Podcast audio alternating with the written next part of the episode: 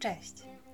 Jestem Michalina, a to już drugi odcinek serii Jidysz Kino Polskie Kino, powstającej w ramach podcastu Koło Kina, projektu Koła Naukowego Filmoznawców Uniwersytetu Łódzkiego.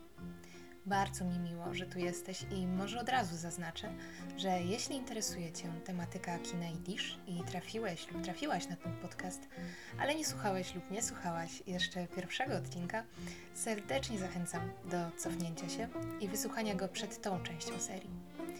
Niezależnie na której platformie właśnie mnie słuchasz, wszystkie nasze poprzednie odcinki są tam dostępne.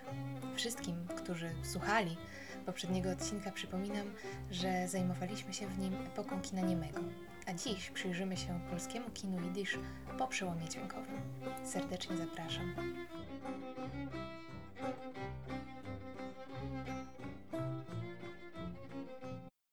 Jak być może pamiętacie, ostatnim filmem przytoczonym w poprzednim odcinku był e, W lasach polskich. Wspominam o tym, ponieważ po realizacji tego przedsięwzięcia nastąpiła kolejna kilkuletnia przerwa w kinie żydowskim. Mówię kilkuletnia, ponieważ pierwsza taka przerwa miała miejsce po I wojnie światowej. Tymczasem w świecie kina działo się bardzo wiele. Dźwięk podbił świat filmu, a wcale nie stało się to zupełnie łatwo i naturalnie. Wielu twórców podchodziło do idei z wielką nieufnością. Pojawiły się argumenty, że jeżeli w filmie słyszalne będą dialogi, nie będzie się on już niczym różnił od teatru. Nie będzie to już opowiadanie obrazem. Oczywiście istotna była też kwestia dostępności tej nowej technologii. By nakręcić film dźwiękowy, wytwórnie musiały podejmować ryzyko finansowe związane z zakupem sprzętu. Nie było pewności, y, czy publiczność przekona się do takich filmów, a w związku z tym nie wiadomo było, czy inwestycja się po prostu zwróci. Jak podaje historia kina polskiego Tadeusza Lubelskiego, pierwszym polskim filmem dźwiękowym była Muralność Pani Dulskiej. I w historii jego powstania widać tę kwestię niepewności co do opłacalności tego rodzaju produkcji. Jak pisze Lubelski, tutaj cytat, żeby skłonić rodzimą branżę do ryzyka realizacji pierwszego polskiego dźwiękowca, potrzebna była inicjatywa kogoś, kto już za granicą przekonał się, jakie to przynosi zyski. Tym kimś był Bolesław Land, mający za sobą długą praktykę producencką w Wiedniu. Przekonał on dyrektora nowo powstałej warszawskiej wytwórni Heros, Maurycego Herschwinkla, do idei narodowego filmu dźwiękowego. Koniec cytatu. Ciekawym, y, wartym zaznaczenia wątkiem jest to, że dyrektor owszem dał się namówić, ale postawił warunek, aby film był adaptacją znanego utworu literackiego.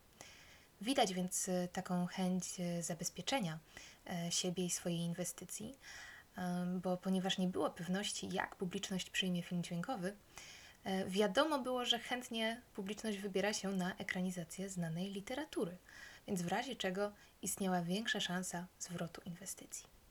Z podobną niepewnością do tej całej nowości mogli podchodzić także producenci filmów jidysz. Nathan Gross, historyk kina żydowskiego, przypuszcza, że powodem takiej przerwy w produkcji e, filmów jidysz mogła być m.in. chęć zobaczenia, e, jak na film dźwiękowy zareaguje polska publiczność, jak go przyjmie, czy to się sprawdzi i czy to się opłaci. I to niestety ta bardziej optymistyczna e, wersja powodu, skąd taka przerwa, ponieważ trwała ona od samego końca lat 20. aż do 1936 roku. Jak wiemy z historii, w międzyczasie w sąsiednich Niemczech do władzy doszedł Adolf Hitler i NSDAP. Rozpoczęła się antysemicka nagonka, za którą poszły prześladowania. I coraz więcej także w Polsce pojawiła, pojawiały się hasła namawiające do wspierania polskich sklepów, przedsiębiorstw. W witrynach można było zobaczyć napisy takie jak sklep czy lokal chrześcijański. Możliwe więc, że na początku lat 30. żydowscy producenci, którzy zarabiali na produkcji filmów polskich dla polskiej publiczności, nie chcieli ryzykować filmu, e, produkcji filmu jidysz, by nie narazić się na bojkot i dużą utratę pieniędzy lub nawet utratę swojego interesu. Zapewne przesłanki były różne i, i nie da się zdiagnozować całego środowiska filmowego. E, ważne jednak, że pierwszy film dźwiękowy, pierwszy film dźwiękowy jidysz w końcu powstał. I aby przybliżyć jego historię, muszę przedstawić Wam postać Saula Goskinda, niezwykle ciekawej postaci w dziejach żydowskiej kinematografii. Wypada tutaj najpierw dopowiedzieć, że mimo że produkcja filmów żydowskich w Polsce na jakiś czas zamarła, to nie znaczy, że żydowska publiczność w ogóle nie miała na co iść do kina. Pomijając oczywiście kino polskie, to filmy jidysz były produkowane przecież za granicą, choćby w Stanach Zjednoczonych e, i były dystrybuowane w Polsce. Działo się tak między innymi dzięki wspomnianemu Goskindowi, który u progu dekady lat 30. zdecydował się założyć przedsiębiorstwo produkujące polskie napisy do zagranicznych filmów. Firma działała pod nazwą Sektor i wkrótce rozszerzyła bardzo swoją działalność. Zajmowała się obróbką filmu, realizacją dźwięku, dystrybucją, no właśnie, dystrybucją filmów zagranicznych, wypożyczaniem sprzętu, a potem także jako przedsiębiorstwo o nazwie Kinor, i tę nazwę warto odnotować, realizacją filmów. I to właśnie Kinor i Goskind byli odpowiedzialni za produkcję pierwszego żydowskiego filmu dźwiękowego w Polsce. Al-Het, czyli za grzechy. Jak to się stało, że film powstał w 1936 roku? Paradoksalnie, to właśnie wzrost antysemickich nastrojów pośrednio do tego doprowadził. Mm, na fali prześladowań w Niemczech do Polski uciekło sporo artystów żydowskich, a wśród nich na przykład reżyser Aleksander Marten, czy kompozytor Hanoch Kohn, plastyk Jankiel Adler. Dlaczego wymieniam te nazwiska? Bo wszyscy oni pracowali potem przy Zagrzechy. Operatorem z kolei był Stanisław Lipiński. Wspomniani artyści uciekli do Polski, ale swoje kariery zostawili w Niemczech. W naszym kraju byli właściwie bez środków do życia i większych perspektyw.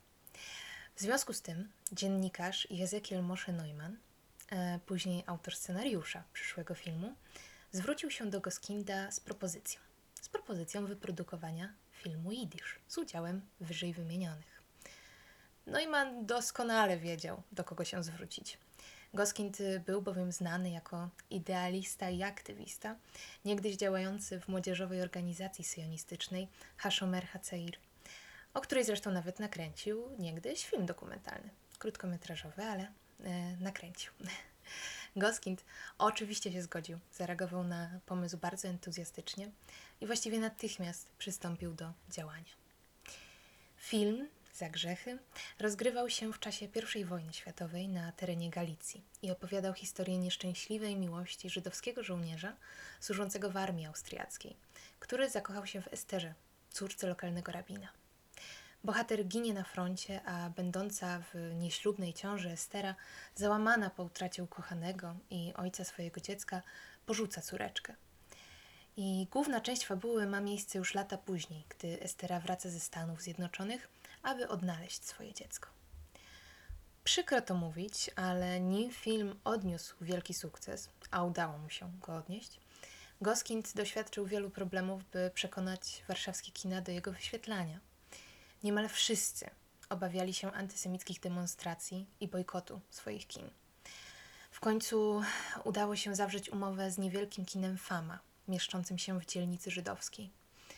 Premiera odbyła się koło święta Pesach w 1936 roku, tak więc na wiosnę. I za grzechy stało się, posługując się współczesnym określeniem, kinowym hitem. Jak pisze Nathan Gross, cytat, Oczywiście przyczyniła się do tego tęsknota za słowem żydowskim płynącym z ekranu, lecz głównym powodem sukcesu był wysoki poziom filmu. Pomimo swego melodramatycznego tematu, nie zniżył się on do poziomu kiczu. Koniec cytatu. Pierwszy dźwiękowy film Midisz kazał więc na siebie trochę poczekać, ale gdy już się pojawił, okazał się frekwencyjnym i artystycznym sukcesem. To oczywiście otworzyło drogę do kolejnych przedsięwzięć. Nie było jednak tak, że Kinor i Goskind e, zmonopolizowali ten rynek. I tutaj wypada przedstawić kolejnego, niezwykle istotnego dla kina żydowskiego producenta oraz jego wytwórnię, a był nim Józef Green i przedsiębiorstwo Green Film. Green e, naprawdę urodził się jako Greenberg i tutaj warto podkreślić akcent lokalny, bo pochodził on z Łodzi. Wszystkim, którzy nie słuchali pierwszego odcinka, wyjaśniam, że podcast y, jest nagrywany właśnie w mieście Łodzi, także pozdrawiam z filmowej i książkowej Ziemi Obiecanej. Ale wracając do Greena i Greenberga, pochodził z Łodzi, Greena Greenberga. Pochodził z Łodzi, ale wykształcenie i doświadczenia filmowe zbierał na całym świecie. Uczył się w Berlinie, a potem występował ze swoim zespołem teatralnym i tak dotarł do Stanów Zjednoczonych. W połowie lat dwudziestych udał się do Hollywood i to w ten sposób zainteresował się kinem na poważnie. Co ciekawe, to w trakcie swojego pobytu w fabryce snów był statystą na planie śpiewaka jazz bandu, filmu powszechnie uznawanego za pierwszy film dźwiękowy. Co na marginesie nie oznacza, y, że nie pracowano w tym samym czasie nad innymi udźwiękowionymi już filmami, ale po prostu premiera e, śpiewaka, premiera śpiewaka jazz bandu odbyła się jako pierwsza. To jednak uwaga na marginesie, ale w każdym razie Green znalazł się na planie tego filmu i, jak wspomina, to ciekawa anegdota, na planie słyszał więcej języka jidysz niż angielskiego. I to wtedy zamarzył mu się właśnie film dźwiękowy w tym języku. Green początkowo dystrybuował w Polsce amerykańskie filmy i to na tym zarabiał. Gdy postanowił wyprodukować własny, nie było to oczywiste, że zrobi to w Polsce, jako że osiadł już właściwie na stałe za oceanem, mm, jednak końcowo postanowił zrobić to właśnie w swoim starym kraju, ze względu po prostu na o wiele niższe koszta. Produkcja filmu w Polsce była tańsza niż w Stanach Zjednoczonych. I tak oto powstał film Idle Mitten Fiddle, czyli Idle gra na skrzypcach. Film stał się wielkim sukcesem i nie ma się co dziwić. Green sam doskonale znał się na kinie, a w dodatku do realizacji zatrudnił międzynarodową ekipę. Do roli tytułowej z kolei zaangażował wielką gwiazdę kina żydowskiego, amerykańską aktorkę Molly Picon. Film opowiada o grupie klezmerów, a wśród nich była Itke, która grała wraz ze swoim ojcem przebrana za mężczyznę pod przybranym imieniem Idl. Nie tylko gwiazda w roli głównej była powodem tego sukcesu. Jak pisano w ówczesnej prasie, film odznaczał się świetną muzyką, stał na wysokim poziomie artystycznym, a duże wrażenie na publiczności zrobiły też zrealizowane w Kazimierzu Dolnym zdjęcia plenerowe. Na fali sukcesu tego filmu Green postanowił niemal od razu nakręcić kolejny. Był to Błazen Purymowy, który niestety nie został odebrany już tak entuzjastycznie, ale to nie zniechęciło Greena, który w 1938 roku zrealizował jeszcze dwa filmy. W dodatku kręcił je jednocześnie. Jeden to List do matki, a drugi Mamełę, czyli przetłumaczono go w Polsce jako Mateczka. Do drugiego z nich e, ponownie zaangażował Molly Picon, ale należy też podkreślić, że właściwie w każdym jego filmie występowały ściągnięte z oceanu, z oceanu gwiazdy. Choć te filmy nie odznaczały się już tak bardzo, nie odznaczyły się już tak bardzo w historii filmu Yiddish, z pewnością dokonania Greena zasługują na uwagę. Greenberg miał ogromne szczęście i zaraz po realizacji tych dwóch ostatnich filmów powrócił do Stanów Zjednoczonych, czyli tuż przed wybuchem II wojny światowej. Tam doczekał starości i zmarł w 1996 roku, a wcześniej, w latach 70., był gościem specjalnym pierwszego nowojorskiego festiwalu filmów Yiddish. Co ciekawe. Co jednak działo się w tym czasie w wytwórni Kinor, gdy Green produkował kolejne e, swoje filmy. W odpowiedzi na sukces Yiddle Mitten Fiddle, Goskind e, postanowił także wyprodukować komedię. Byli to weseli biedacy, którzy także mm, nie odnieśli dużego sukcesu, a już na pewno w porównaniu do e, Zagrzechy. Wspomnę jednak, że po części za reżyserię tego filmu odpowiadał tu Zygmunt Turkow. A także wystąpił w jednej z ról e, wraz ze swoją córką Ruf Turkow, której matką była Ida Kamińska. A ponieważ postać Idy, mm, jej matki i ojca przypominałam w poprzednim odcinku, postanowiłam wspomnieć o kolejnym pokoleniu Kamińskich w kinie Jidysz.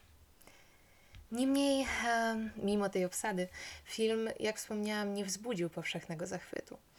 Kolejna produkcja, jaką zajął się Kinor, jest jednak jak najbardziej warta szerszego omówienia i mam tu na myśli film Bezdomni, e, którego reżyserią zajął się Aleksander Marten, wcześniej reżyser Zagrzechy. I tutaj, aby opowiedzieć o tym filmie, należy nieco rozwinąć kontekst. Otóż wszystkie wymienione dotychczas filmy odznaczają się niejako nieaktualnością. Chodzi o to, że większość z nich była osadzona w przyszłości, mm, w ogóle nie odnosząc się do ówczesnych problemów. Nawet ogólnie bardzo lubianemu za grzechy zarzucano, że melodramat o nieszczęśliwej miłości nie jest teraz Żydom potrzebny, gdy, gdy w siłę mamy lata 30., w siłę rośnie antysemityzm, w Niemczech nasilają się prześladowania i w Polsce nastroje są już mało sprzyjające. Pojawiają się wręcz y, więc takie oskarżenia i bezdomni mieli być niejako odpowiedzią na te zarzuty, ale niestety okazali się odpowiedzią nie do końca udaną. Dlaczego? Zaczynając od początku, nie był to scenariusz oryginalny, lecz adaptacja sztuki Jakuba Gordina, żydowskiego dramatopisarza, którego nazwisko już wiele razy przewinęło się w poprzednim odcinku. W jednej z głównych ról widzowie podziwiać mogli zresztą Idę Kamińską, czyli widzimy tu niejako powrót do tradycji początków kina jidysz w Polsce. Ekranowa adaptacja sztuki z udziałem gwiazdy teatru żydowskiego. I właśnie, właśnie to wpisywanie się w schemat nieco rozczarowało tych widzów i krytyków, którzy oczekiwali, że Marten, szczególnie, że sam przecież uciekł z Niemiec przed prześladowaniami, y, jakoś ustosunkuje się do aktualnej polityki na ekranie. Film wprawdzie opowiadał historię ubogiego Żyda, który szuka szczęścia w Ameryce. Mm, niejako więc oddawał symbolicznie tra tragedię związaną z koniecznością wyjazdu z własnego kraju, um, z tą tytułową bezdomnością, którą można wiązać zarówno z doświadczeniem uchodźstwa, jak i ogólnie żydowskim doświadczeniem narodu e, bez swojego kraju. No ale jednak to po prostu było za mało, nie o to chodziło. Nie było tu jasnego stanowiska i bezpośrednich odniesień do problemów, które przecież wkrótce miały urosnąć do rangi niewyobrażalnej tragedii, jaką była zagłada. Pojawiły się jednak e, w latach 30. filmy, które, choć również nie odpowiadały na współczesne problemy europejskich i polskich Żydów, wyróżniały się na tle innych. Pierwszym z nich było wyprodukowane w 1937 roku e, nowa wersja ślubowania, czyli Tkijeskaw. Film na pewno kojarzycie z poprzedniego odcinka, ponieważ był to pierwszy film Yiddish zrealizowany w Polsce po I wojnie światowej i odzyskaniu niepodległości. Oczywiście w wersji niemej. I właśnie w 1937 roku Leo Forbert i Henryk Boym postanowili nakręcić film od nowa, tym razem w wersji udźwiękowionej. Obecne w nim wątki mistyczne zdecydowanie wyróżniały go na tle realistycznych dramatów, które wcześniej omawiałam. Jednak nie osiągnął on tak kultowego statusu jak nakręcony w tym samym czasie Dybuk. Dybuk, któremu chcę poświęcić kolejny osobny odcinek serii. Tymczasem dziękuję wszystkim, którzy zostali ze mną do końca. Mam nadzieję, że odcinek był dla Was interesujący i, jak zawsze, polecam Wam lekturę. Na pierwszym miejscu film żydowski w Polsce autorstwa Natana Grossa. Rozdziały o kinie żydowskim w historii filmu polskiego Władysława Banaszkiewicza i Witolda Witczaka oraz w polskiej kinematografii w okresie filmu dźwiękowego Władysława Jewsiewickiego. Dziś skorzystałam także z historii kina polskiego autorstwa Tadeusza Lubelskiego. A dank, czyli dziękuję w języku jidysz. Do usłyszenia.